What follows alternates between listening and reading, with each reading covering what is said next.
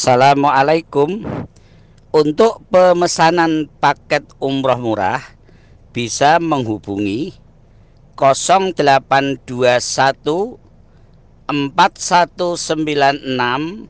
0857 Kami ulangi sekali lagi Untuk pemesanan paket umroh murah Bisa menghubungi 0821 4196 0857 Sekali lagi 0821 4196 0857 Terima kasih.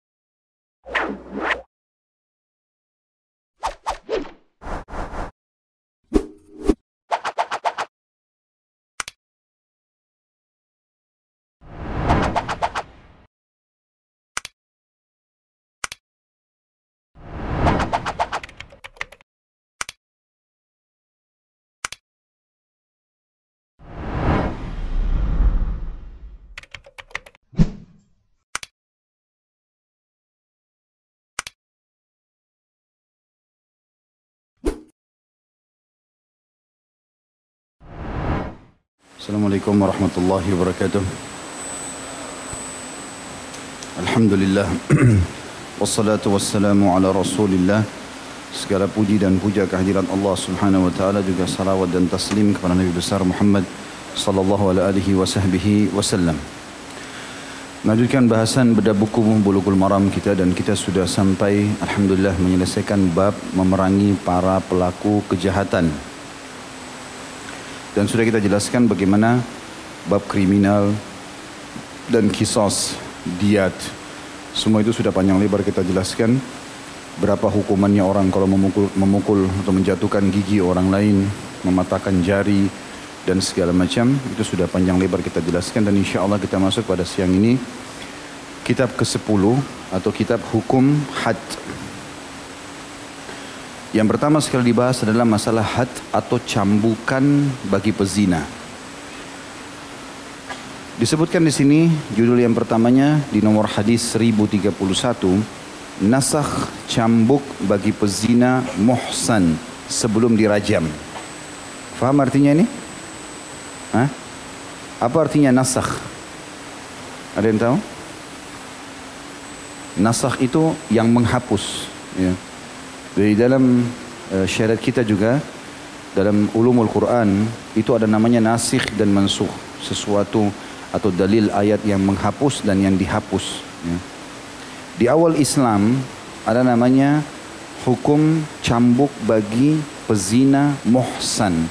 Muhsan itu artinya orang yang sudah berumah tangga atau sudah pernah menikah. Baik dia status suami istri atau janda atau duda. Ini hukumnya sekarang yang diterapkan di akhir hidup Nabi SAW sampai berlaku hari kiamat adalah dirajam kalau ketahuan. Di awal-awal Islam itu dicambuk. Jadi hukumnya antara yang sudah muhsan, sudah menikah dengan yang belum menikah, hukumannya sama. Di awal Islam dicambuk semua 100 derah. Tapi setelah itu datanglah dalil yang menasah atau menghapus. Ya. Nasah artinya dihapusnya cambuk bagi pezina muhsan sebelum dirajam. Hadis yang pertama 1031 dari Abu Hurairah radhiyallahu anhu dari Zaid bin Khalid al-Juhani radhiyallahu anhu أن رجلا من العرب أتى رسول الله صلى الله عليه وسلم فقال يا رسول الله أنشدك بالله إلا قضيت لي بكتاب الله فقال الآخر وهو أفقه منه نعم فاقضي بيننا بكتاب الله وأذن لي فقال قل قال إن ابني كان عسيفا على هذا فزنى بامرأته وإني أخبرت أن على ابني رجم على ابني رجم. فافتديت منه بمئة شاة وولي ووليدة. فسألت أهل العلم فأخبروني أن ما على ابني جلد مئة وتغريب عام وأن على امرأة هذا الرجم. فقال رسول الله صلى الله عليه وسلم والذي نفسي بيدي لأقضين بينكما بكتاب الله الوليدة والغنم رد عليك وعلى ابني وعلى ابنك جلد مئة وتغريب عام وقد يا أنيس إلى امرأة هذا فان اعترفت فرجمها Hadis ini sahih riwayat Imam Muslim di jilid 3 halaman 100 atau 1324 dan 1325 dan Imam Bukhari jilid 3 halaman 241. Terjemahannya bahwasanya ada seorang laki-laki Arab Badui datang kepada Rasulullah sallallahu alaihi wasallam lalu dia berkata, "Wahai Rasulullah, aku ingatkan engkau akan Allah agar engkau memutuskan perkara untukku sesuai dengan kitab Allah. Lalu orang lain yang bersama dengan orang itu dan dia lebih mengerti agama daripada orang Badui ini berkata, benar, putuskanlah di antara kami dengan kitab Allah dan izinkan aku, maksudnya izinkan aku bicara lebih dahulu. Maka Rasulullah SAW bersabda, katakanlah. Jadi ada dua orang yang bertikai, yang saat yang kedua terakhir berbicara mengatakan izinkan saya memulai ya Rasulullah kata Nabi SAW silahkan dia berkata orang yang kedua jadi si A sama si B si B yang bicara mengatakan anakku adalah pekerja pada orang ini dia pegawai di tempatnya si A ini lalu dia berzina dengan istrinya orang ini jadi anaknya si B zina sama istrinya si A dan sungguhnya aku telah diberitahu bahwa anakku harus dirajam maka aku menebusnya dengan seratus ekor domba ditambah seorang hamba sahaya wanita. Lalu aku bertanya kepada para ulama, maka mereka memberitahuanku, memberitahukanku bahwa anakku harus dicambuk seratus kali dan diasingkan selama satu tahun. Sedangkan istri orang ini karena sudah menikah harus dirajam. Maka Rasulullah SAW bersabda, demi zat yang jiwaku berada di tangannya, N-nya besar kata ganti Allah, Maksudnya demi Allah, aku benar-benar akan memutuskan di antara kalian berdua dengan kitab Allah. Hamba sahaya dan domba tertolak atasmu dan anakmu harus dicambuk seratus kali serta diasingkan selama setahun. Berangkatlah wahai Unais, Unais nama seorang sahabat pengawal Nabi SAW kepada istri orang ini jika dia mengaku maka rajamlah dia. Hadis ini menjelaskan tentang kejadian kasus terjadi di zaman Nabi Shallallahu Alaihi Wasallam. Ada seseorang pegawai kerja di satu orang, kemudian dia berzina dengan istrinya tuannya atau owner pemilik perusahaan ini. Kemudian ketahuan kepergok melakukan zina. Maka pemilik perusahaan marah dan dia langsung melaporkan agar istrinya dan juga laki-laki pegawainya ini dua-duanya dihukum dan dia ingin dua-duanya dirajam. Dia ingin dua-duanya dirajam. Ya, jadi si suami ini atau pemilik perusahaan ingin dua-duanya dirajam. Maka si anak ini sempat melapor kepada ayahnya. Saya telah melakukan kesalahan, saya berzina dengan istrinya orang ini dan saya mau dirajam. Maka ayahnya anak ini karena orang kaya, dia menebus anaknya. Dia bayar raja. Yang penting tidak dihukum rajam. Maka dia bayar dengan 100 ekor domba dengan seekor budak sahaya untuk membuat suami si perempuan tadi ridho, udah nggak usah dilaporkan, gitu. Maka ternyata tetap saja si suami ini pergi ke Nabi SAW. Lalu mengatakan, ya Rasulullah, kejadiannya begini. Istri saya selingkuh sama pegawai saya dan saya minta dihakimi dengan hukum Allah. Artinya yang dia faham selama ini dirajam. Maka ayahnya si anak ini mengatakan, ya Rasulullah, benar, saya ingin dihukumi dengan hukum yang adil. Perlu anda tahu, saya biar menyampaikan lebih dulu kisahnya. Kata Nabi SAW, silahkan. Kata dia, anak saya selingkuh dengan istrinya orang ini. Dan saya tadinya mendengar anak saya harus dirajam. Maka saya menebus dengan 100 ekor domba dengan seorang hamba sahaya. Ini sudah saya kasih ke orang ini.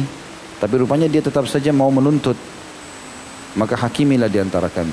Dan saya mendengar, kalaupun di saya sudah bertanya dengan beberapa orang ulama, maksudnya para sahabat yang faham masalah hukum, sebelum ke anda ini mereka mengatakan tidak anakmu karena masih bujang belum berumah tangga hukumnya dicambuk 100 kali diasingkan setahun.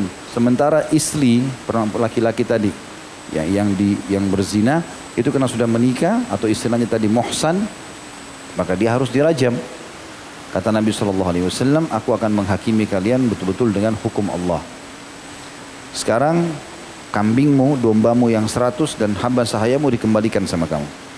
Gak ada itu. Orang mau dirajam, orang mau dicambuk, lalu bisa ditebus. Gak ada. Yang ada dia, denda itu hanya bagi pelaku pembunuhan. Sudah kita jelaskan pada bab sebelumnya. Tapi kalau zina nggak ada. Ya kepergok harus dicambuk. Kalau sudah menikah dirajam. Nggak ada toleransi. Gitu kan. Apalagi kalau memang kepergok ini ya. Kalau tidak kepergok, nah saya sudah bilang tidak ada pengakuan dalam Islam. Tidak ada pengakuan dosa. Ya. Intinya adalah Nabi SAW mengatakan, ambil kembali dombamu yang seratus kepada ayahnya anak laki-laki ini. Dan hamba sahaya laki-lakimu atau perempuanmu. Dan anakmu tetap dicambuk seratus kali dan diasingkan setahun.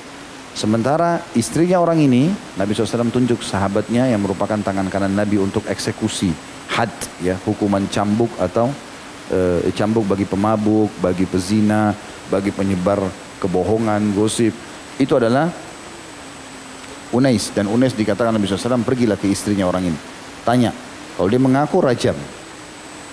Hadis ini memberikan gambaran kepada kita bahwasanya orang kalau belum menikah dan berzina maka hukumnya dicambuk 100 dan diasingkan setahun.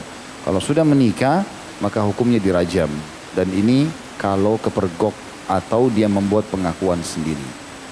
Jelas ya? Baik. Hadis 1032 dari Ubadah bin As-Samit radhiyallahu anhu beliau berkata Rasulullah SAW bersabda khudu anni khudu anni faqad ja'ala lahunna sabila al-bikru bil bikri jaldu mi'ah wa nafyu sanah Wathayyibu bithayyibi jaldu mi'atin warrajam. Disebutkan dalam hadis ini, hadis riwayat Muslim di jilid 3 halaman 1316. Nabi SAW bersabda, ambillah dariku. Ambillah dariku. Maksudnya ini hukum dari Allah. Terimalah. Sungguh Allah telah memberikan jalan kepada kalian. Perjaka dengan gadis, kalau mereka sampai perzina, berzina, cambuk seratus kali dan pengasingan selama setahun. Orang yang telah menikah dengan orang yang telah menikah kalau berzina cambuk seratus kali dan rajam. Hadis ini diriwayatkan oleh Imam Muslim. Ada footnote di situ perlu kita baca dulu nomor 1898 di halaman 666. Dikatakan ini adalah tafsir dari kata sabila atau jalan yang disebutkan dalam firman Allah Subhanahu wa taala dalam Surah An-Nisa ayat 15. A'udzu billahi minasyaitonir rajim. Wallati ya'tina al-fahishata min nisaikum fastashhidu 'alayhinna arba'atan minkum. Fa in shahidu fa'amsikuhunna fil buyuti hatta yatawaffahunna al-maut wa yaj'alallahu lahunna sabila. Dan para perempuan yang melakukan perbuatan keji di antara perempuan di antara perempuan-perempuan kalian, maksudnya kalau ada perempuan kalian berzina, anakkah, istrikah, segala macam, Hendaklah terhadap mereka ada empat orang saksi di antara kalian yang menyaksikannya. Apabila mereka telah memberi kesaksian, maka kurunglah mereka, perempuan-perempuan itu, dalam rumah sampai mereka menemui ajal mereka, atau sampai Allah memberi jalan yang lain kepada mereka. Dan tafsir Nabi SAW ini diambil juga dalam firman Allah Subhanahu Wa Taala dalam surah An-Nur ayat 2. A'udzu billahi minasyaitonir rajim. Az-zaniyatu waz-zani Fajridu kulla wahidin minhuma mi'ata jaldah. Berzina perempuan dan berzina laki-laki, derahlah masing-masing dari keduanya seratus derah. Ini diambil dari surah An-Nur ayat 2. hadis ini teman-teman memberikan pelajaran kepada kita mirip dengan hadis yang sebelumnya. Kalau bujang dan gadis walaupun sudah berumur. Jadi kayak misalnya ada orang 50 tahun laki-laki belum pernah menikah atau perempuan 40 tahun belum pernah menikah misal. Ya. maka dia berzina atau mereka berzina. Tapi statusnya masih gadis dan bujang walaupun umurnya sudah tua. Maka tetap hukumannya itu dicambuk 100 diasingkan setahun. Kalau seseorang sudah menikah walaupun umurnya 15 tahun misalnya tapi dia statusnya sudah istri atau sudah suami kalau berzina sama selain pasangannya dia berzina haram maka hukumnya dirajam walaupun umurnya masih muda. Jelas ini? Dan ini adalah hukum Allah subhanahu wa ta'ala untuk menutup semua pintu kerusakan. Karena perzinahan ini adalah pintu kerusakan di tengah-tengah masyarakat. Kapan dibuka, maka akan merusak banyak rumah tangga yang ada. Kalau terjadi perselingkuhan.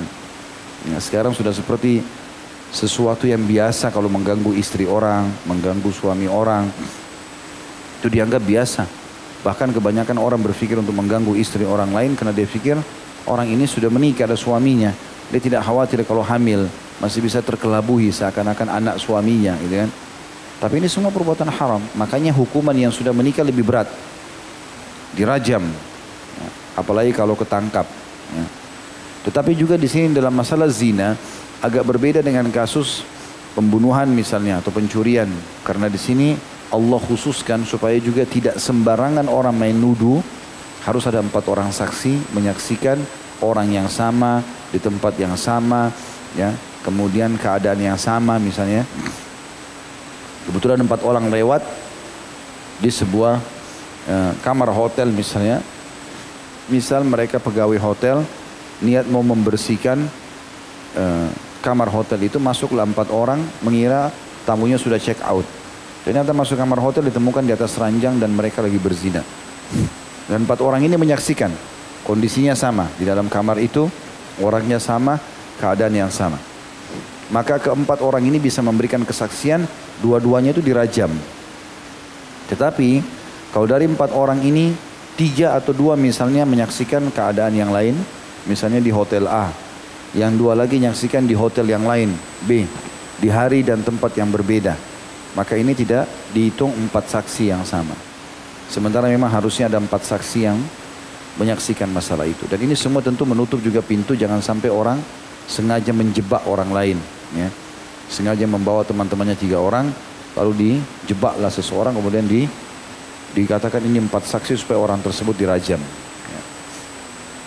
itu yang dimaksud dalam hadis ini hadis selanjutnya 1033 dari Abu Hurairah radhiyallahu anhu beliau berkata أتى رجل من المسلمين رسول الله صلى الله عليه وسلم وهو في المسجد فناداه فقال يا رسول الله إني زنيت فأعرض عنه فتنحى تلقاء وجهه فقال يا رسول الله إني زنيت فأعرض عنه حتى ثنى ذلك عليه أربع مرات فلما شهد على نفسه أربع شهادات دعاه رسول الله صلى الله عليه وسلم فقال أبك جنون فقال لا قال فهل أحصنت قال نعم Qala Nabi SAW, idhabu bihi farjumuh. Hadis ini, hadis yang sahih riwayat Bukhari, di jilid 8 halaman 207, Imam Muslim jilid 3 halaman 1318. Terjemahannya, seorang laki-laki dari kalangan kaum muslimin datang kepada Rasulullah SAW ketika beliau sedang berada di masjid. Lalu dia memanggil beliau seraya berkata, Wahai Rasulullah, sesungguhnya aku telah berzina. Lalu Nabi SAW berpaling darinya. Jadi ceritanya Nabi SAW duduk di masjid, tiba-tiba ada orang masuk masjid, dan di depan orang semua, dia buat pernyataan di hadapan Nabi, dia duduk di depan Nabi lalu dia mengatakan, Ya Rasulullah, aku telah berzina. Lalu Nabi SAW berpaling darinya, mengalihkan wajahnya. Maka laki-laki itu pindah ke arah di mana dia bisa menghadap ke Nabi. Lalu wajah beliau atau menghadap ke wajah beliau belajar Nabi SAW. Lalu laki-laki tersebut pindah ke arah di mana dia bisa menghadap wajah Nabi SAW seraya berkata, Wahai Rasulullah, sungguhnya aku telah berzina. Rasulullah SAW terus berpaling darinya hingga dia mengulanginya empat kali. Jadi di empat arah. Nabi bilang, dia bilang, ya Rasulullah saya sudah berzina. Hukum saya. Nabi balik ke sana. Dia datang lagi, ya Rasulullah saya sudah berzina. Nabi alihkan lagi. Terus sampai empat kali. Ketika dia telah bersaksi atas dirinya empat kali, maka Rasulullah SAW memanggilnya, lalu bertanya kepadanya, apa kamu gila? Dia menjawab, tidak ya Rasulullah. Dia, saya normal, tidak gila. Rasulullah SAW bertanya, apakah kamu telah menikah? Dia mengatakan, iya. Maka Nabi SAW mengatakan, bawalah dia dan rajamlah. Hadis ini memberikan gambaran kepada kita tentang hukum rajam bagi muhsan, orang yang sudah berumah tangga, bisa terjadi kalau dia kepergok, atau bisa terjadi karena dia memberikan kesaksian terhadap dirinya memang dia sudah melakukan zina empat kali. Kalau dia cuma mengatakan saya pernah berzina sekali, maka itu belum cukup. Ya, seorang hakim harus bijaksana. Mungkin orang ini tertekan secara kejiwaan, mungkin orang ini gila. Dan ini pertanyaan Nabi SAW dalam hadis, apakah kamu gila? Dia bilang tidak. Ini untuk memastikan. Jangan sampai orang ini terganggu kejiwaannya, terus kemudian dia ngaku-ngaku supaya segera dirajam saja. Gitu. Maka di sini Nabi SAW berpaling empat kali. Dan ini cara yang kedua untuk merajam orang yang sudah menikah kalau dia berzina. Selain disaksikan empat saksi tadi di hadis sebelumnya, hadis ini adalah dia memberikan kesaksian dirinya empat kali. Dan sabda Nabi SAW waktu ditanya apa kamu gila, ini adalah hal yang sangat penting memastikan tentang keadaan orang yang datang mengaku. Ya, apakah dia gila, dia normal, mungkin dia kena sihir, mungkin dia dalam kondisi mabuk. Ya, banyak hal-hal yang mungkin bisa terjadi. Dan setelah dia berikan kesaksian dirinya empat kali, berarti nggak butuh lagi saksi orang lain, maka Nabi SAW menyuruh dia untuk dirajam. Hadis seribu, hadis seribu eh, dari Ibnu Abbas radhiyallahu anhu beliau berkata, "Lamma ata Ma'iz bin Malik ila Nabi sallallahu alaihi wasallam qala lah, la'allaka qabbalta aw gamarzta aw nadarta?" Qala la ya Rasulullah. Ketika Ma'iz, Ma'iz bin Malik datang kepada Nabi SAW, beliau bersabda kepadanya, mungkin kau hanya menciumnya, atau mencoleknya, atau memandangnya. Lalu orang itu menjawab, tidak wahai Rasulullah. Hadis ini diriwayatkan oleh Imam Bukhari di uh, jilid 8 halaman 207. Sebagian ulama mengatakan, hadis yang sebelumnya 1033 ini adalah dirincikan tentang nama orang yang datang mengaku itu. Dia adalah Ma'iz bin Malik. Jadi waktu Nabi SAW dia datang ke masjid, dia duduk depan Nabi lalu dia mengatakan, Ya Rasulullah saya sudah zina, hukum saya. Mau dibersihkan.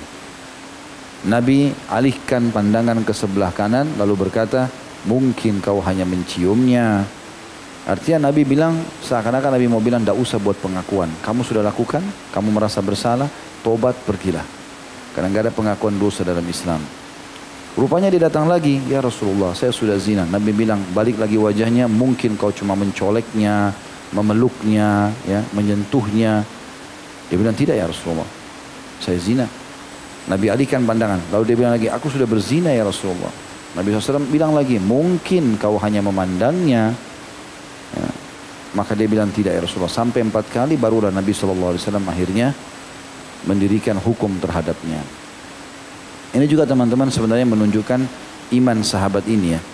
Ada beberapa hadis yang serupa dengan ini di mana mereka merasa berdosa sekali akhirnya mereka ya eh, apa namanya minta supaya dihukum dan dibersihkan.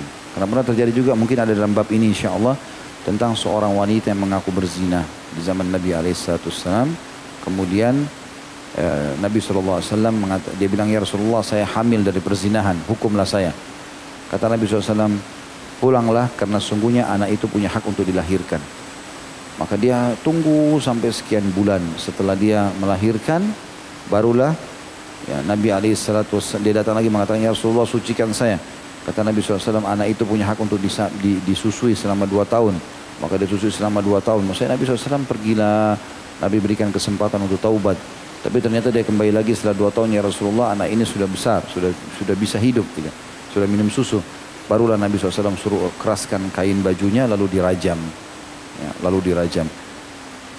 Hadis selanjutnya 1035 dari Umar bin Khattab radhiyallahu anhu bahwa beliau berkhutbah seraya berkata Inna Allah ba'atha Muhammadan bil haqq wa anzala alaihi alkitab fa kana fi ma anzala Allah alaihi ayatul rajam atau ayatul rajam fa qara'naha wa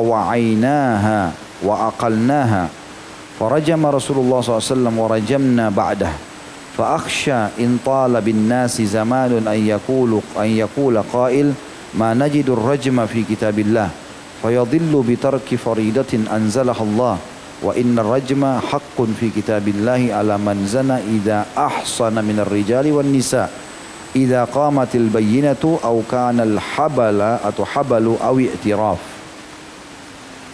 Umar bin Khattab berkata lalu pada saat lagi khutbah sesungguhnya Allah telah mengutus Muhammad dengan kebenaran sallallahu alaihi wasallam dan menurunkan kitab kepadanya. Lalu di antara yang Allah turunkan kepadanya adalah ayat rajam. Lalu kami membacanya. kami mengerti dan kami memahaminya. Maka Rasulullah SAW melaksanakan rajam dan kami pun melaksanakan rajam sesudahnya. Maksudnya Abu Bakar dan Umar. Aku khawatir jika berlalu masa yang panjang terhadap manusia akan ada orang yang berkata, kami tidak mendapatkan ayat rajam dalam kitab Allah. Sehingga mereka tersesat karena meninggalkan kewajiban yang telah Allah turunkan. Sesungguhnya rajam adalah hak di dalam kitab Allah atas siapa yang berzina apabila dia telah menikah dari kalangan laki-laki dan wanita.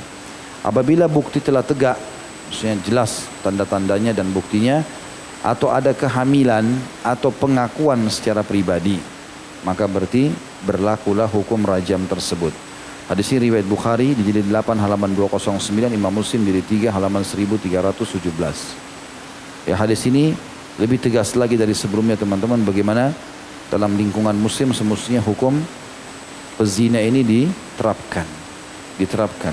Yaitu dengan cara dicambuk kalau dia belum menikah dan diasingkan setahun kalau setahun kalau dia sudah menikah maka dirajam maka dirajam ya dan ini Umar bin Khattab sangat khawatir. Jangan sampai nanti tiba di akhir zaman ya mungkin kayak di zaman kita sekarang malah dianggap asing dan aneh. Kalau wanita atau laki-laki atau pria yang berzina setelah menikah dirajam. Padahal ini hukum Allah Subhanahu wa taala. Agar sama sekali tidak tidak lagi ada yang melakukan perbuatan tersebut. Dan Imam Madzhabi rahimahullah memasukkan kalau tidak salah dalam eh, salah satu bahasan beliau masalah hukuman zina ini dengan mengatakan ada sekelompok kerah ya, yang menemukan ada di antara kera-kera itu yang berzina sementara dia sudah dianggap punya pasangan maka dirajam oleh kera-kera yang lainnya. Jadi hukum ini bukan hukum yang kejam ya. Tapi hukum ini adalah hukum Allah Subhanahu wa taala. Kita bisa bayangkan teman-teman bagaimana sakitnya hati seseorang kalau menemukan pasangannya berzina sama orang lain. Ya. Maka untuk menghilangkan perasaan dendam, rusaknya hubungan di antara masyarakat, maka yang berlaku atau yang melakukan perbuatan dihukum supaya yang lain berhenti. Kalau enggak akan sangat kacau rumah tangga, sangat kacau. Ada seseorang profesor dari, setahu saya dari Prancis, orang itu masuk Islam, gara-gara dia meneliti tentang masalah uh, fungsi daripada masa iddah kesucian rahim ya kenapa dalam Islam kalau wanita dicerai harus nunggu tiga kali masa iddah tiga kali masa haid barulah dia boleh menikah jadi untuk mengosongkan rahim tersebut intinya dia terus melakukan penelitian sampai dia kebetulan punya anak empat dan dia teliti akhirnya dia teliti dia periksa DNA ternyata dari empat anaknya itu dua bukan darah daging dia dan dua dari darah daging dia dalam rumah tangga mereka orang non muslim ini kayaknya sudah biasa masalah itu. Orang selingkuh akhirnya hamil ternyata bukan dari suaminya tapi dari orang lain. Ya. Tentu kalau ada orang yang pernah melakukannya beristighfar dan bertobat kepada Allah SWT jangan diulangi dan jangan dibongkar aib itu. Tapi kalau tidak dilakukan maka harus ditinggal. Kalau nggak salah pernah ada yang bertanya itu di majelis kita di Rabu malam di bahasan dosa-dosa besar. Dia bilang, Ustaz saya punya penyakit karena suka ganggu istri orang. Ya. Nah ini syaitan yang goda dia. Menikah saja banyak orang yang bisa dinikahi dan bisa dilampiaskan dengan cara halal. Artinya kalau sudah pernah terjadi beristighfar kepada Allah tutupi aib tersebut ya. Dan insya Allah Allah maafkan. Tapi kalau belum terjadi maka jangan sama sekali membuka pintu itu. Kapan ada waswas syaitan seperti ini baca istiadah dan ya minta sama Allah SWT pelindungan dengan serius lalu hindari tinggalkan itu. Ya, harus turunkan pandangan dari yang haram Makanya pemandangan-pemandangan dari tontonan, dari foto, ya, dari segala macam ini harusnya dihindari. Sekali lagi tentu kalau orang pernah berbuat, ya istighfar kepada Allah dan Tuhannya Maha Pengampun. Hadis selanjutnya 1036 dari Abu Hurairah radhiyallahu anhu beliau berkata aku mendengar Rasulullah SAW bersabda Idza zanat amatu ahadikum fatabayyana zinaha falyajlidha falyajlidha al-hadda wa la yutharrib 'alayha thumma in zanat falyajlidha al-hadda wa la yutharrib 'alayha ثم إن زنت الثالثة فتبين زناها فليبيعها ولو بحبل من شعر. Jika hamba sahaya wanita milik salah seorang dari kalian berzina, lalu terbukti zinanya, maka hendaklah dia mencambuknya sebagai hukuman had dan jangan mencacinya. Kemudian jika dia berzina lagi, maka hendaklah dia mencambuknya sebagai hukuman had dan jangan mencacinya. Kemudian jika dia berzina yang ketiga kalinya, lalu terbukti zinanya, maka hendaklah dia menjualnya meskipun dengan harga seutas tali dari rambut bulu. Hadis ini riwayat Bukhari dan ini adalah lafaz Imam Muslim. Hadis ini diriwayatkan Imam Bukhari jadi 3 halaman 109 dan Muslim jadi 3 halaman 1328. Hadis ini memberikan pelajaran kepada kita tentang hamba sahaya.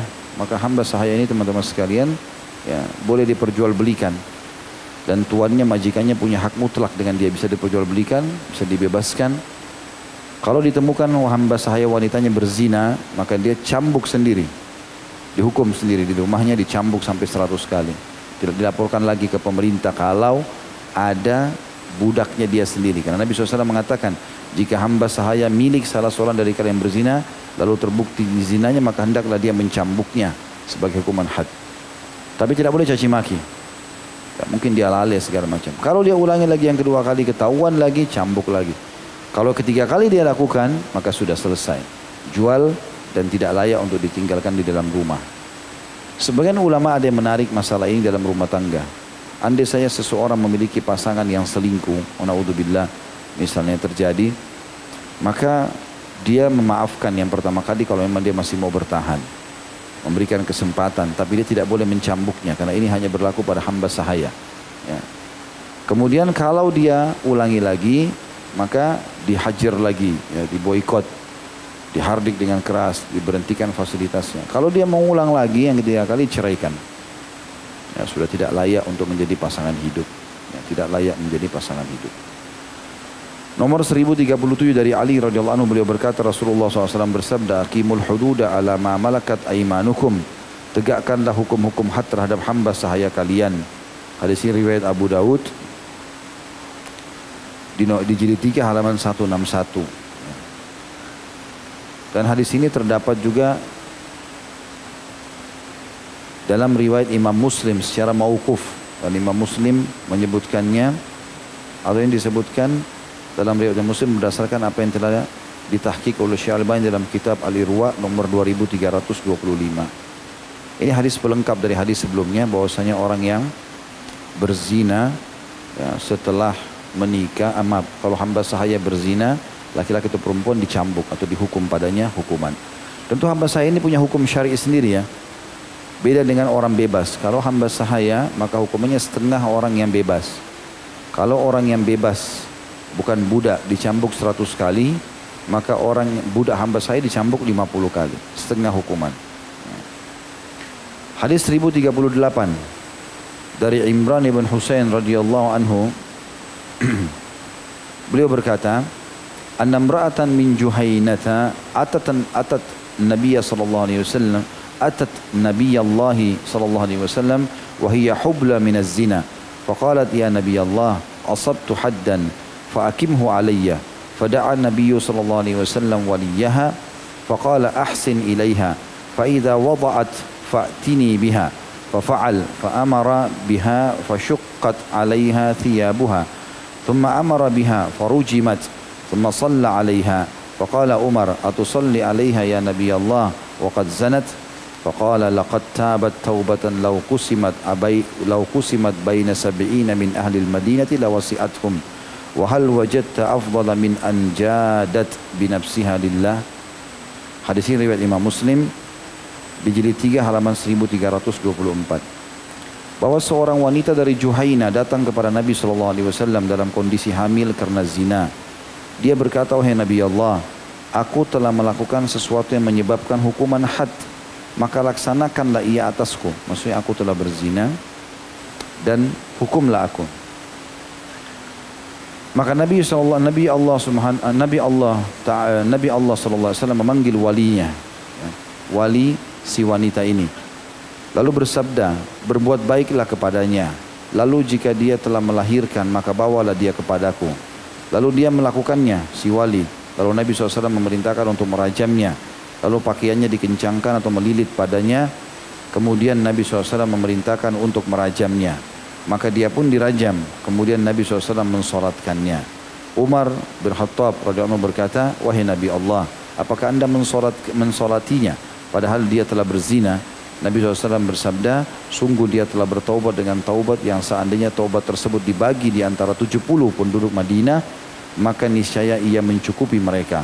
Apakah kamu mendapatkan taubat yang lebih utama daripada tindakannya mengorbankan dirinya untuk Allah? Hadis ini menjelaskan kepada kita tentang perilaku seorang wanita yang mulia dari suku ya, Juhaina. Dan di sini tidak disebutkan namanya juga dalam footnote Ibnu Hajar rahimahullah juga tidak menjelaskan namanya. Juga Syekh Albani yang mentahkik buku ini tidak menyebutkan nama wanita ini cuma dikatakan perempuan dari suku Juhaina. Dan ini kemungkinan besar adalah untuk menutupi aib wanita tersebut. Yang tidak disebutkan nama padahal sahabat bisa menukil nama orang itu karena dia dikenal wanita. Assalamualaikum. Untuk pemesanan paket umroh murah bisa menghubungi 0821 4196 0857 Kami ulangi sekali lagi untuk pemesanan paket umroh murah bisa menghubungi 0821 4196 0857 Sekali lagi 0821 4196 0857. Terima kasih. Juga di sini dikatakan dia datang karena dia hamil dari zina, maka Nabi alaihi salatu wasallam mengecek ternyata orang ini sudah menikah. Maka untuk membuat agar orang ini tetap dinaungi, tentu dia tidak akan tinggal sama suaminya lagi karena dia sudah hamil di luar nikah. Maka dipanggillah walinya, ayahnya. Lalu Nabi SAW suruh berbuat baik sama dia. Rawat baik-baik anakmu ini sampai dia melahirkan. Karena bayi yang di perutnya punya hak. Setelah melahirkan bawa ke saya. Waktu dibawa, maka pada saat itulah Nabi SAW menyuruh untuk dirajam. Ya, menyuruh untuk dirajam. Ini riwayat ini juga mirip dengan riwayat tadi yang saya sebutkan. Dan riwayat yang saya sebutkan tadi adalah riwayat juga menjelaskan tentang wanita dari Juhaina ini. Bahwasanya dia datang lalu dia mengaku dia sudah berzina karena hamil. Lalu Nabi SAW menyuruh dia untuk melahirkan. Habis melahirkan dia datang Nabi SAW suruh dia menyusui dulu. Setelah itu baru dia datang kembali lalulah kemudian dia mengaku atau dia tetap mengatakan ya Rasulullah sucikan saya. Maka Nabi SAW pun menyuruh mengeraskan bajunya kemudian menyuruhnya untuk dirajam. Maka akhirnya dirajamlah wanita tersebut. Nah waktu dirajam sempat ada yang melaknatnya mengatakan semoga Allah melaknatmu. Maksudnya kenapa kok kau sudah bersuami terus zina?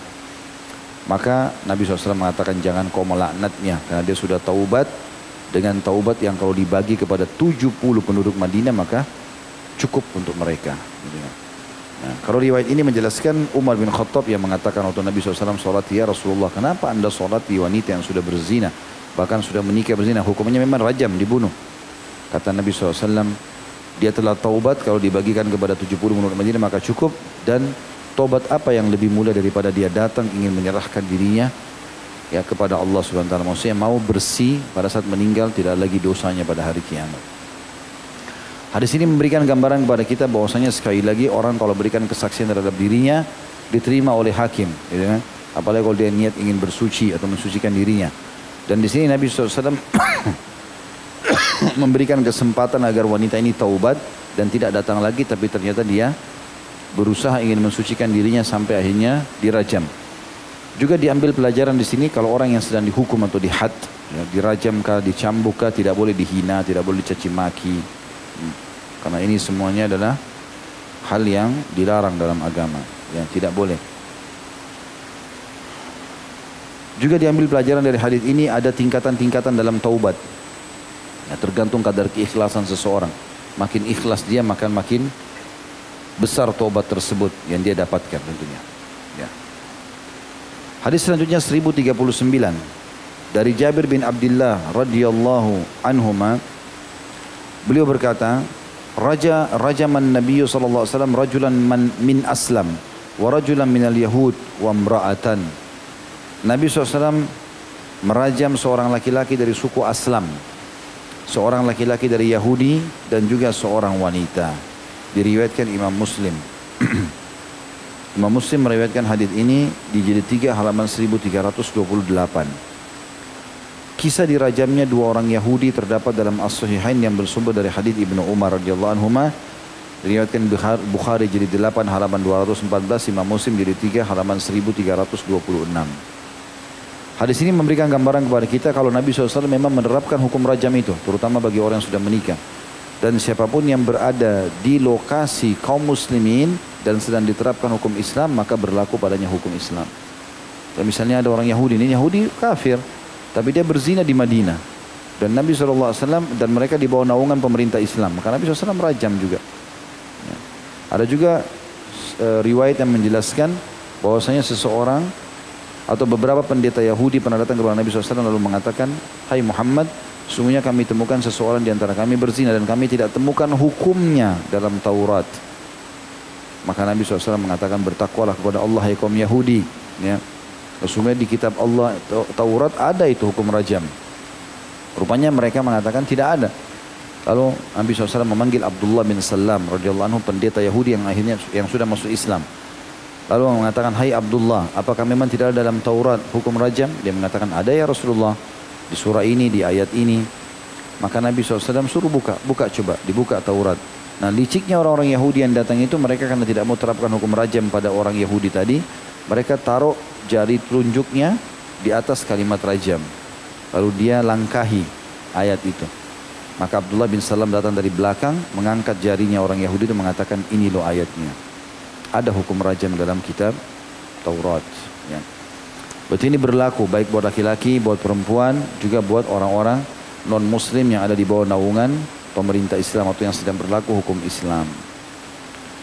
Selanjutnya 1040 dari Said ibn Sa'ad ibn Ubadah radhiyallahu anhu beliau berkata kana baina abyatina ruwaijilu dhaif ruwaijilun dhaif fakhabutha bi amatin min imaihim فذكر ذلك سعد لرسول الله صلى الله عليه وسلم فقال اضربوه حده فقالوا يا رسول الله إنه أضعف من ذلك قال خذوه عثقالا فيه مئة shimrakhin thumma duribuhu darbatan wahida fafa'aluh dahulu di rumah-rumah kami terdapat seorang laki-laki kecil yang lemah maksudnya badannya kecil dan fisiknya lemah lalu dia berzina dengan salah seorang dari hamba sahaya mereka ya, tapi pernah berzina dengan seorang wanita tapi hamba sahaya maka Said melaporkan Said radhiyallahu anhu Sa'ad ya. Sa'ad ini ya bukan Said.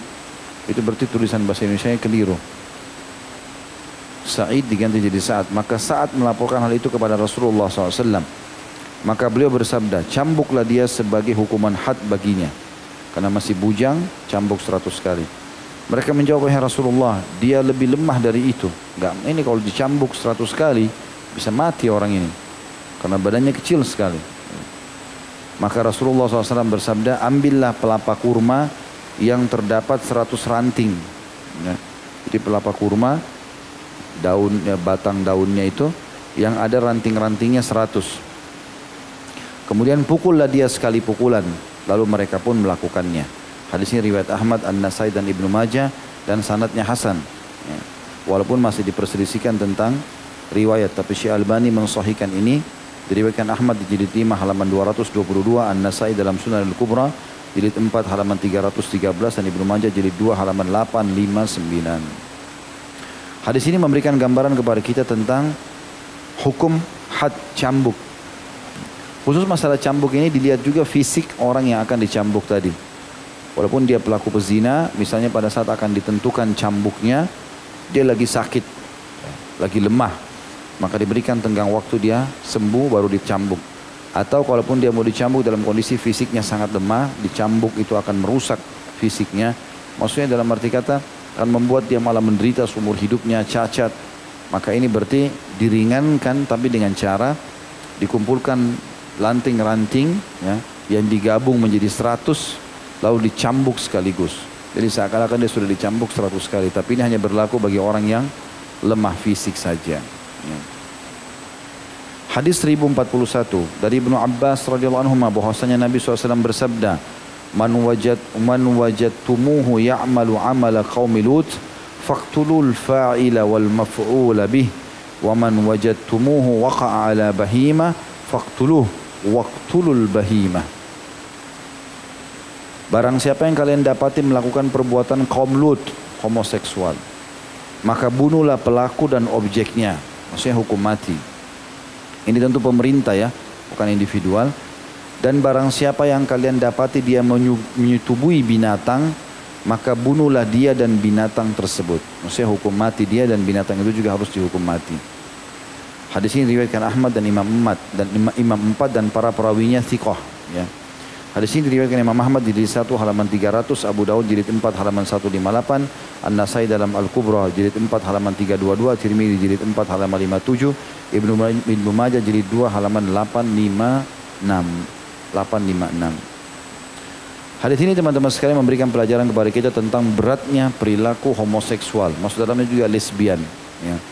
Sama. Ini sebenarnya mirip perbuatan zina karena kata Nabi SAW, ya, lesbian dan homoseksual itu zina di antara mereka. Sama saja, cuma bedanya hukumannya lebih berat. Kalau tadi zina, kalau dia belum menikah hukumannya apa? Cambuk 100 dan diasingkan setahun. Kalau sudah menikah, dirajam. Tapi kalau orang melakukan homoseksual naudzubillah ataupun lesbian, ini belum nikah atau sudah nikah sama hukumannya. Dihukum mati semuanya. Gitu kan? Bahkan Ibnu Umar mengatakan radhiyallahu anhu orang yang melakukan pelaku perbuatan homoseksual ini dicari tempat tertinggi yang ada di situ kemudian ya dibiarkan dibuang dari tempat yang tinggi lalu dirajam dari bawah lalu dilempari lagi batu lalu dilempari batu maka ini berat hukumannya bagi orang yang melakukan perbuatan ini karena ini keluar dari fitrah kalau orang berbuat zina haram dosa tapi masih fitrah dia, dia masih suka lawan lawan jenisnya tapi kalau sudah suka sama sama jenis ini keluar dari fitrah ini berbahaya sekali. Sekali saja syaitan berhasil membuat itu lolos dari diri seseorang, maka syaitan akan selalu mengelabui dia dengan masalah itu. Makanya faktor-faktor yang menyebabkan munculnya homoseksual ini ya sudah dihalangi dalam Islam. Seperti misalnya kata Nabi SAW, suruh anak kalian sholat di tujuh tahun, pukul mereka di sepuluh tahun, dan pisahkan mereka di ranjang. Laki-laki sama laki-laki aja nggak boleh tidur seranjang kalau sudah sepuluh tahun. Itu sudah diperintahkan dalam syariat. Kata sebagian ulama untuk menghindari adanya pelanggaran ini. Anak perempuan pun sama dipisahkan. Kecuali rumah kita sangat kecil, nggak bisa lagi ya sudah. Dan ada tempat tidur, maka orang dempet-dempet tidur berbeda. Atau pada saat bencana mungkin berbeda. Tapi kalau rumah kita luas, Alhamdulillah, maka harusnya kita memisahkan mereka ini. ya Memisahkan mereka. Ini tidak boleh sama sekali, karena ini berbahaya. Juga teman-teman yang Allah karunia anak, dan anak itu sifatnya Misal dia punya empat orang anak, tiga perempuan, satu laki-laki. Misalnya laki-laki yang bungsu. Maka yang laki-laki ini yang bungsu tetap diperlakukan sebagai laki-laki. Ya. Kan sudah dipisahkan itu ya. Mainannya beda, warna kesukaannya beda, porsi makanan laki-laki juga mungkin lebih banyak, begitu juga minum susu, memang berbeda. Jadi jangan biarkan kakak-kakaknya yang perempuan ini mengajak si laki-laki ini main. Akhirnya diajak main-main boneka, main apa muncullah dia nanti seperti kakak-kakaknya yang perempuan ini. Ya. Dan akhirnya dia tidak suka sama perempuan, dia sukanya sama laki-laki. Akhirnya terjadi penyebab terjadinya homoseksual, Manaudzubillah. Begitu juga dengan lesbian, kalau terbalik tadi, kalau ada empat orang bersaudara, kakaknya semua laki-laki. Kemudian adiknya yang paling bungsu perempuan. Lalu dibiarkanlah oleh orang tuanya, si kakak tiga orang ini ajak adiknya untuk main. Ya. Maka ini berbahaya sekali. Kalau anak laki perempuan ini diajak main bola, diajak ini, diajak itu, akhirnya dia ikut seperti laki-laki. Nanti dia tidak suka sama perempuan, dia sukanya, dia tidak suka sama eh, laki-laki, uh, tapi dia suka sama perempuan karena dia anggap dirinya laki-laki. Terjadilah lesbian. Nah, ini semua hukumnya berbahaya. Karena dalam Islam, kalau mereka lakukan, baik mereka sudah mohsan menikah atau masih bujang dan gadis, tetap aja hukumnya dibunuh. Ya. Kemudian juga orang yang menggauli binatang wa Ini karena sudah rusak fitrahnya. Ya. Karena mereka sudah kehabisan e, ide untuk menikmati biologis yang halal, maka mereka sudah gonta-ganti pasangan lalu mereka ingin mencoba-coba dengan hewan. Dan ini kotor sekali.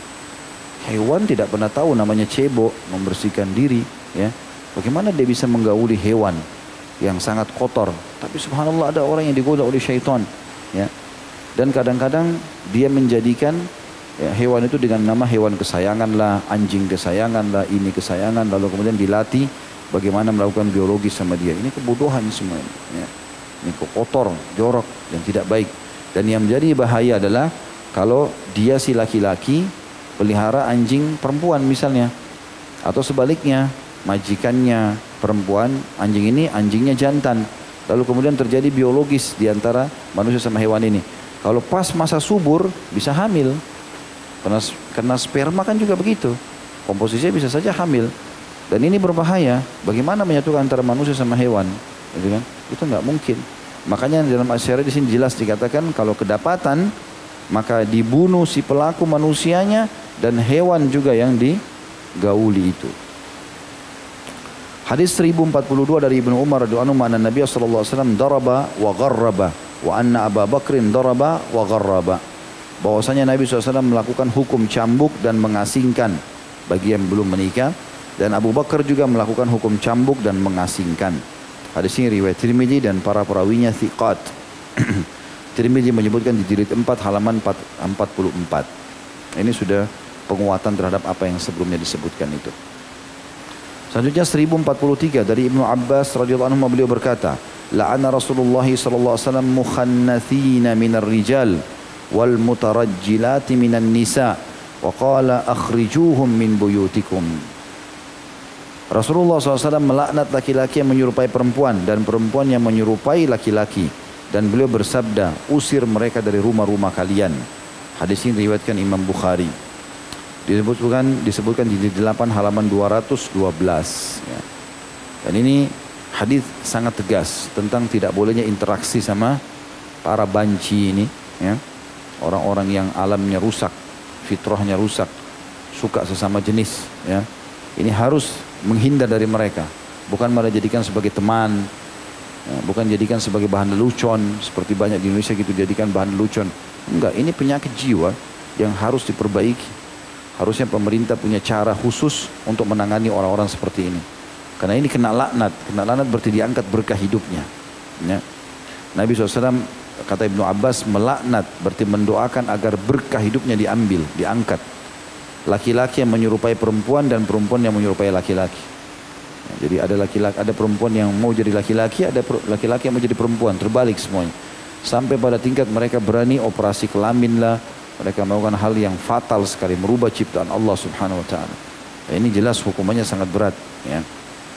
Bagaimanapun dia berusaha untuk berargumen, tetap saja yang laki-laki laki-laki yang perempuan perempuan nggak akan pernah bisa berubah mau dia ubah suaranya mau dia operasi kelamin tetap status dia di sisi Allah laki-laki. Yang perempuan tetap perempuan. Dan hukum berlaku padanya. Hadis 1044 dari Abu Hurairah dan ini juga ada perintah di sini ya. Usir mereka dari rumah kalian artinya jangan interaksi. Tidak boleh tinggal serumah. Ya. banyak perempuan kadang-kadang dia merasa aman pada saat dia berteman sama banci. Dengan alasan banci ini tidak suka sama perempuan. Itu kebohongan, tetap nggak bisa. Sama hukum dia hukum laki-laki. Apa pun yang dia lihat tetap haram hukumnya. Seperti itulah. Ya. Hadis 1044 dari Abu Hurairah anu beliau berkata Rasulullah SAW bersabda idfa'ul hududa ma wajadtum laha madfa'an tepislah hukum-hukum had selama kalian memiliki alasan penolakannya hadis riwayat Ibnu Majah dengan sanad lemah ya Ibnu Rajab sebutkan di jilid 2 halaman 850. Tapi hadis ini sekali lagi lemah ya, dan tidak bisa dijadikan sebagai pegangan karena di sini Nabi SAW menekankan kalau masih ada alasan carikan alasan untuk menolak had. Tetapi kalau hadis-hadis sahih seperti kasus waktu seorang wanita yang pernah mencuri di zaman Nabi SAW lalu para sahabat melihat tradisi orang di Mekah dulu kalau ada orang yang terhormat mencuri tidak dipotong tangannya maka mereka berusaha melobi Nabi SAW supaya Nabi mau maafkan. Maka Usama bin Zaid ditemukan lalu Usama radhiyallahu anhu masuk ke Nabi SAW baru mengatakan, Ya Rasulullah, fulana mencuri begini dan begitu, maka lebih baik jangan dipotong tangannya. Maka Nabi SAW marah kepada Usama mengatakan, Atashfa'u fi haddi min, min hududillah ya Usama. Apa kau berani untuk menghalangi had dari hadnya Allah subhanahu wa ta'ala. Maksudnya hukuman yang telah Allah tentukan. Lalu Nabi SAW memerintahkan atau naik di atas mimbar lalu mengatakan telah sampai kepada saya begini dan begitu ketahuilah kalau Fatimah binti Muhammad Fatimah anakku mencuri aku akan potong tangannya. Jadi hadis ini ter, eh, terjawab dengan hadis-hadis yang sahih. Ya kalau hudud kepergok punya saksi hukum. Jadi kalau misalnya ada mencuri nih atau ada orang berzina ketangkap nih lalu di penjara sementara di penjara diproses. Ya jadi sementara di penjara dia diproses Nah pada saat dia diproses di sini, ya, kemudian dia taubat dalam penjara, tetap saja hukum berlaku. Tetap harus dicambuk atau dirajam, tetap harus dipotong tangannya kalau pencuri, tetap harus dipenggal lehernya kalau pembunuh. Diriwayatkan juga dari Trimidi dan Al-Hakim dari hadis Aisyah radhiyallahu anha dengan lafaz idra'ul hududa 'anil muslimina mastata'tum. Tepislah hukum-hukum had dari kaum muslimin semampu kalian. Di sini juga lemah Ya, diriwayatkan Tirmidzi jilid 4 halaman 33 dan Hakim jilid 4 halaman 384. Juga riwayat yang lain Al-Baihaqi dari Ali radhiyallahu anhu ada ucapannya dengan lafaz idra'ul hudud bisyubuhat. Tepislah hukum-hukum had dengan syubhat-syubhat. Ya. Ini hadis diriwayatkan Baihaqi dalam Al-Khilafiyat sebagaimana dalam Nasab Raya. Namun hadis ini sama dianggap lemah oleh para ulama hadis, maka semua terbantahkan dengan hadis-hadis yang sahih. Hadis terakhir dalam bab satu kita atau bab pertama kita dalam masalah had ini adalah hadis 1045 dari Ibnu Umar radhiyallahu anhu beliau berkata Rasulullah SAW bersabda ishtanibu hadhil kadhurati allati nahallahu anha faman alamma biha falyastatir bisitrillah wal yatub ila Allah ta'ala fa innahu may yubdi lana safhatahu nukim alaihi kitab Allah azza wajal kitab Allah azza wajal atau kitab Allah azza wajal jauhilah perkara-perkara kotor yang telah Allah larang ini. Maksudnya zina mencuri berbohong. Barang siapa yang melakukannya maka hendaklah dia menutup dirinya dengan tutupan Allah. Maksudnya dia kalau pernah berzina jangan ceritain orang. Usahakan dia tobat kepada Allah jangan ceritain orang. Dan hendaknya dia bertaubat kepada Allah Ta'ala. Segera dia tinggalkan sebelum ada datang hukuman Allah. Karena sungguhnya barang siapa yang menyodorkan lembarannya kepada kami, siapa yang datang mengaku pernah berzina, niscaya kami akan menegakkan kitab Allah Azza wa Jal atau Allah Maha Suci dan Maha Murah atau Maha Mulia atasnya. Hadis ini riwayat Hakim. Nah dari sini hadis sahih riwayatkan jilid 4 oleh Hakim dalam kitab Mustadrak nomor 2, halaman 244 dan 383. Dan disebutkan juga oleh Imam Malik dalam kitab Muwatta dengan sanad sahih di jilid 2 halaman 825. Ini seperti saya jelaskan ikhwan dan akhwat sekalian rahiman rahimakumullah tentang tidak ada yang dalam Islam pengakuan dosa. Ya. Adanya tadi sahabat-sahabat yang tentang mengaku itu berusaha oleh Nabi SAW diberikan gambaran. Mungkin kau hanya menciumnya, mungkin kau hanya mencoleknya, mungkin kau hanya melihatnya, mungkin, mungkin supaya dia tinggalkan. Juga wanita yang datang hamil Nabi SAW suruh melahirkan dulu, menyusui dulu supaya dia bertobat kepada Allah Subhanahu wa taala. Tapi dalam Islam intinya tidak boleh atau tidak usah datang dalam menyebutkan pengakuan seperti ini. Karena kalau ada yang datang pengakuan dirinya apalagi sampai empat kali sebagaimana dari hadis, salah satu hadis yang sudah kita bahas maka didirikan hukum Allah Subhanahu wa taala padanya. Kita masuk ke bab kedua. Bab masih masalah had ya. Had untuk tuduhan perzinahan. Nomor hadisnya 1046 dari Aisyah radhiyallahu anha beliau berkata, "Lamma nazala udri qama Rasulullah SAW ala al-mimbar fadzakara dzalika wa talal Qur'an falamma nazala amara bi rajulaini wa imra'atin faduribu faduribul had."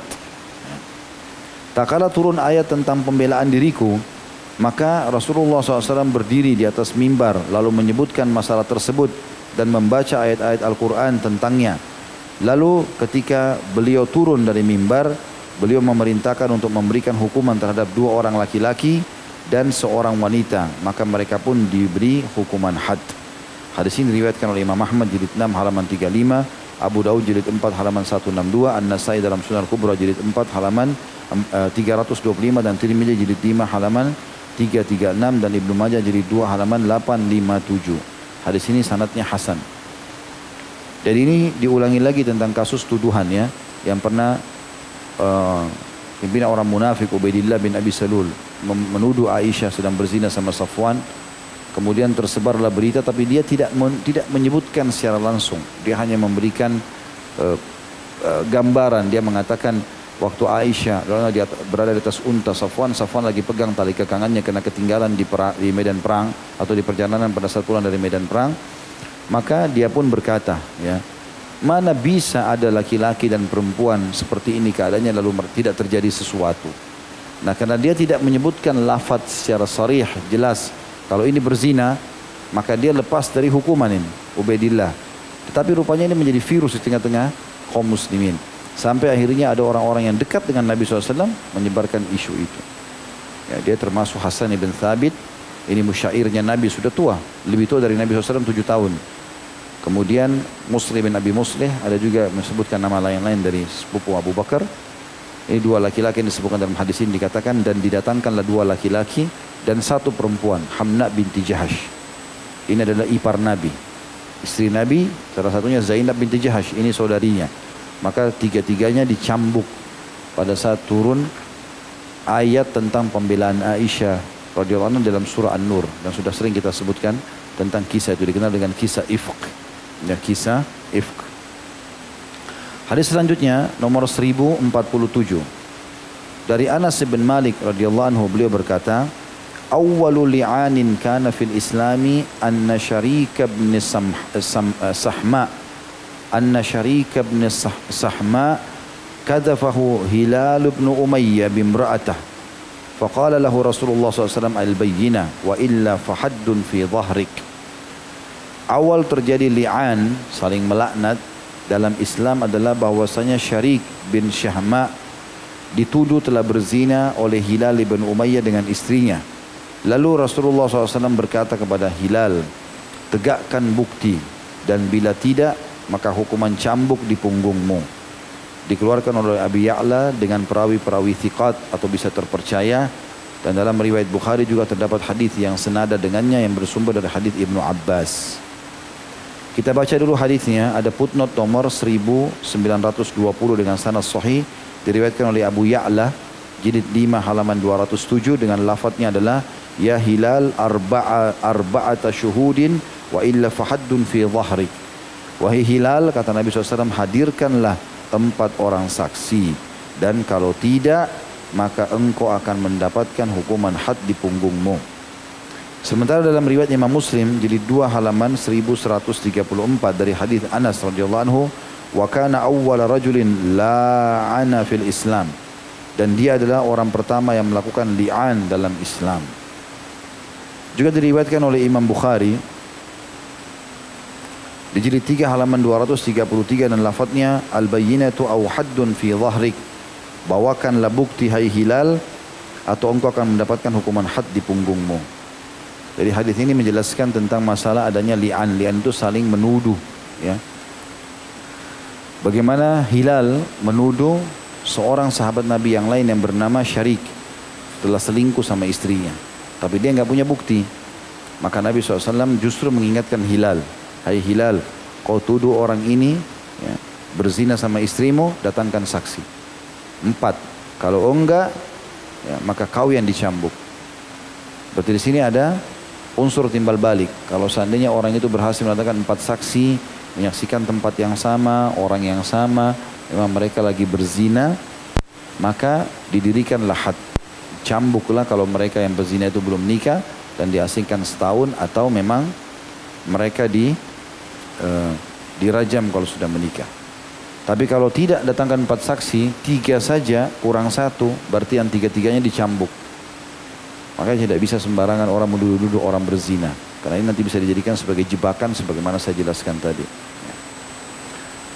Kemudian hadis yang atau dua hadis yang terakhir dalam bahasan kita, hadis nomor 1048 dari Abdullah bin Amir bin Rabi'ah radhiyallahu anhu beliau berkata, laqad adraktu Abu Bakrin wa Umar wa Uthman radhiyallahu anhum wa man ba'dahum falam arahum yadribuna al-muluka fil kadhfi illa arba'in Sungguh saya mendapati masa Abu Bakar, Umar dan Uthman radhiyallahu anhum dan para sahabat lain setelah mereka ternyata saya tidak melihat mereka mencambuk para budak dalam masalah tuduhan perzinahan tanpa saksi kecuali hanya 40 kali. Nah, artinya kalau ada orang menuduh orang lain, orang ini berzina, ternyata salah, ya, maka dia dicambuk, cambukannya 40 derah. Dan hadis ini sahih diriwayatkan Imam Malik jadi 2 halaman 828.